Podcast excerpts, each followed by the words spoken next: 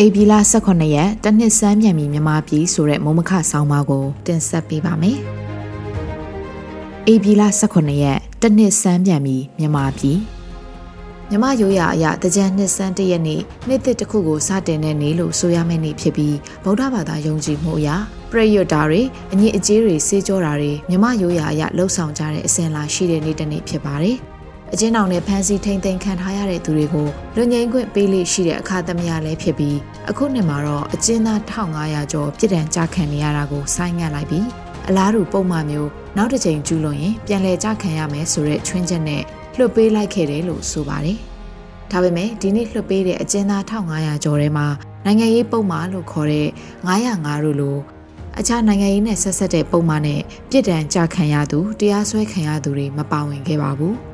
မွေးရစေးမှုတို့အခြားသောရာဇဝတ်မှုပြစ်မှုလိုမျိုးနဲ့ပြည်ဒဏ်ကြခံနေရသူတွေသာပါဝင်တာဖြစ်လို့ဒါကနိုင်ငံရေးအရာလှုပ်ဆောင်နေဆိုတာမျိုးမဟုတ်ပဲအကျဉ်းထောင်တွေကအကျဉ်းသားအရေးအတွက်ရှော့ချတဲ့သဘောလို့သာယူဆရမှာဖြစ်ပါတယ်။ဆရာနာသိမ့်မှုအပြီးဆန္ဒပြသူဆရာနာသိမ့်မှုစန့်ကျင်ရေးလှုပ်ရှားစီယုံသူလက်နက်ကင်မျိုးပြတောက်ကြားအဖွဲ့ဝင် PDF ထောက်ပံ့ရေးနှိုးစော်ကငွေကြေးကောက်ခံပေးသူ CDM ဝန်ထမ်း CDM ထောက်ခံပံ့ပိုးသူ စသဖြင့်ဖမ်းဆီးခံရသူပေါင်း2000နီးနီးရှိလာပြီးပြန်လွတ်မြောက်တဲ့အချို့သောအရှိအတွက်တွေနှုတ်လိုက်ရင်တော့မှအနည်းဆုံး1000ကျော်လောက်ကအကျဉ်းထောင်နေတဲ့ရှိနေကြမှာဖြစ်ပါတယ်။ဆရာနာသိမ်းမှုအပြီးနိုင်ငံရေးအကြောင်းကြောင့်ဖမ်းဆီးခံရသူတောင်းနဲ့ချီရှိလာတာကြောင့်မြန်မာနိုင်ငံကအကျဉ်းထောင်တွေရဲ့လက်ခံနိုင်တဲ့အရှိအတွက်ထက်အများကြီးကျော်လွန်နေတာဖြစ်လို့အခါအားလျော်စွာအခုလိုနိုင်ငံရေးနဲ့မသက်ဆိုင်တဲ့ဂျာဇဝတ်ပြစ်မှုအကျဉ်းသားတွေကိုရှော့ချတာဖြစ်ပါတယ်။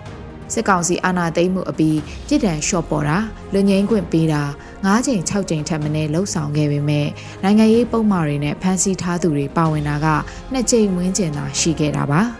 ပြီးခဲ့တဲ့နှစ်ဇွန်လမှာတစ်ချိန်နဲ့အော်တိုဘာလလေတရင်ကျွတ်လာပြည့်ကာလမှာတစ်ချိန်နိုင်ငံရေးအရာဖမ်းဆီးထားသူထောင်ကနန်းလောက်ပြန်လွှတ်ပေးခဲ့ပူပြီးအဲ့လိုလွှတ်ပေးတာကိုစစ်တပ်ထောက်ခံသူတွေအနေနဲ့စန့်ကျင်တဲ့ဝေဖန်မှုအတန်တွေလည်းထွက်ပေါ်ခဲ့တာဖြစ်ပါတယ်။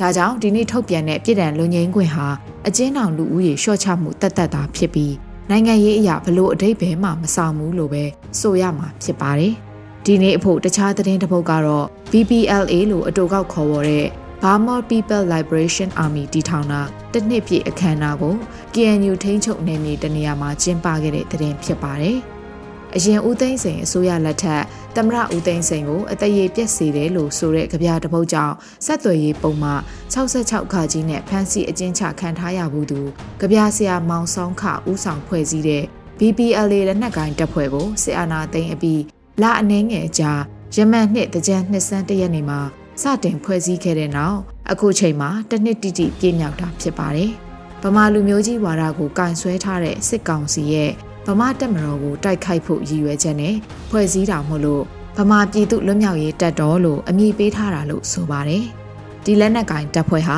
KNU ချမ်းကစစ်ပညာသင်ကြားမှုကိုခံယူပြီးလက်ရှိမှာလည်း KNU နဲ့တွဲဖက်ခါတိုက်ခိုက်မှုတွေမှာပါဝင်နေတာဖြစ်ပါတယ်။တစ်ချိန်ကျရင်၎င်းတို့ဘာသာဗမာပြည်နယ်နယ်မြေတွေမှာအခြေချတိုက်ပွဲဝင်မှုရည်ရွယ်ထားတာလို့ဆိုပါတယ်။ NUG ရဲ့လက်အောက်ကလက်နက်ကင်တပ်ဖွဲ့မဟုတ်ပဲ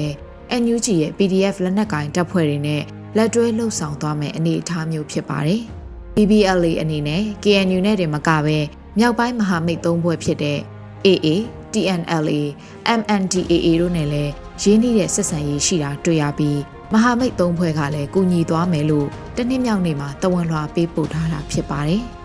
မြမຫນွေဦးတော်လှန်ရေးကာလကနေထွက်ပေါ်လာခဲ့တဲ့လက်နက်ကင်တပ်ဖွဲ့တွေအနက်အမျိုးအစားနှစ်မျိုးရေပုံရအားဖြင့်ခွဲခြားလို့ရနိုင်ပါတယ်။တစ်မျိုးက NUG ရဲ့ဓာတ်ရိုက်ဖွဲ့စည်းပေးမှုဓာတ်ရိုက်အကူအညီရရှိနေတဲ့ PDF အဖွဲ့တွေနဲ့အခု BPLA လိုတိကျအကူအညီဒါမှမဟုတ်ရက်ရွာကမိမိတို့ဘာသာကမကထလုပ်ထူထောင်ခဲ့ကြတဲ့ local PDF တွေလို့ခွဲခြားရနိုင်မယ်ထင်ပါတယ်။အခုတလုံးမှာတော့ local PDF တွေဆိုတဲ့အသုံးအပြင် NUG အောက်က PDF တွေကိုမြန်မာစာနဲ့ပကဖာလို့သတ်မှတ်ခေါ်ဝေါ်လာတာသတိပြုမိပါတယ်။အတိတ်ဘယ်ကတော့အတူတူပါ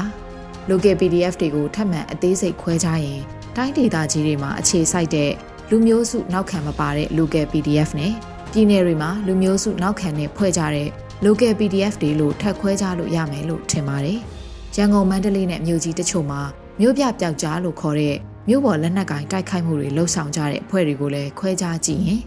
NUG ရဲ့ဓာတ်ရိုက်အဆက်အသွယ်အကူအညီရတဲ့မြို့ပြပျောက်ကြားရည်လို့နှစ်မျိုးနှစ်စားရှိတာတွေ့ရပါလိမ့်မယ်။ကျေးလက်တွေမှာတော့စကိုင်းတိုင်းမန္တလေးတိုင်းပဲခူးတိုင်းနဲ့တနင်္သာရီတိုင်းတို့မှာဒေတာအလိုက်ပေါ်ထွက်လာတဲ့ local PDF တွေအများအပြားရှိကြပြီးနောက်ပိုင်းကျမှ NUG နဲ့ဆက်သွယ်ကြတာတွေလည်းရှိပါတယ်။တိုင်းသားပြည်နယ်တွေဖြစ်တဲ့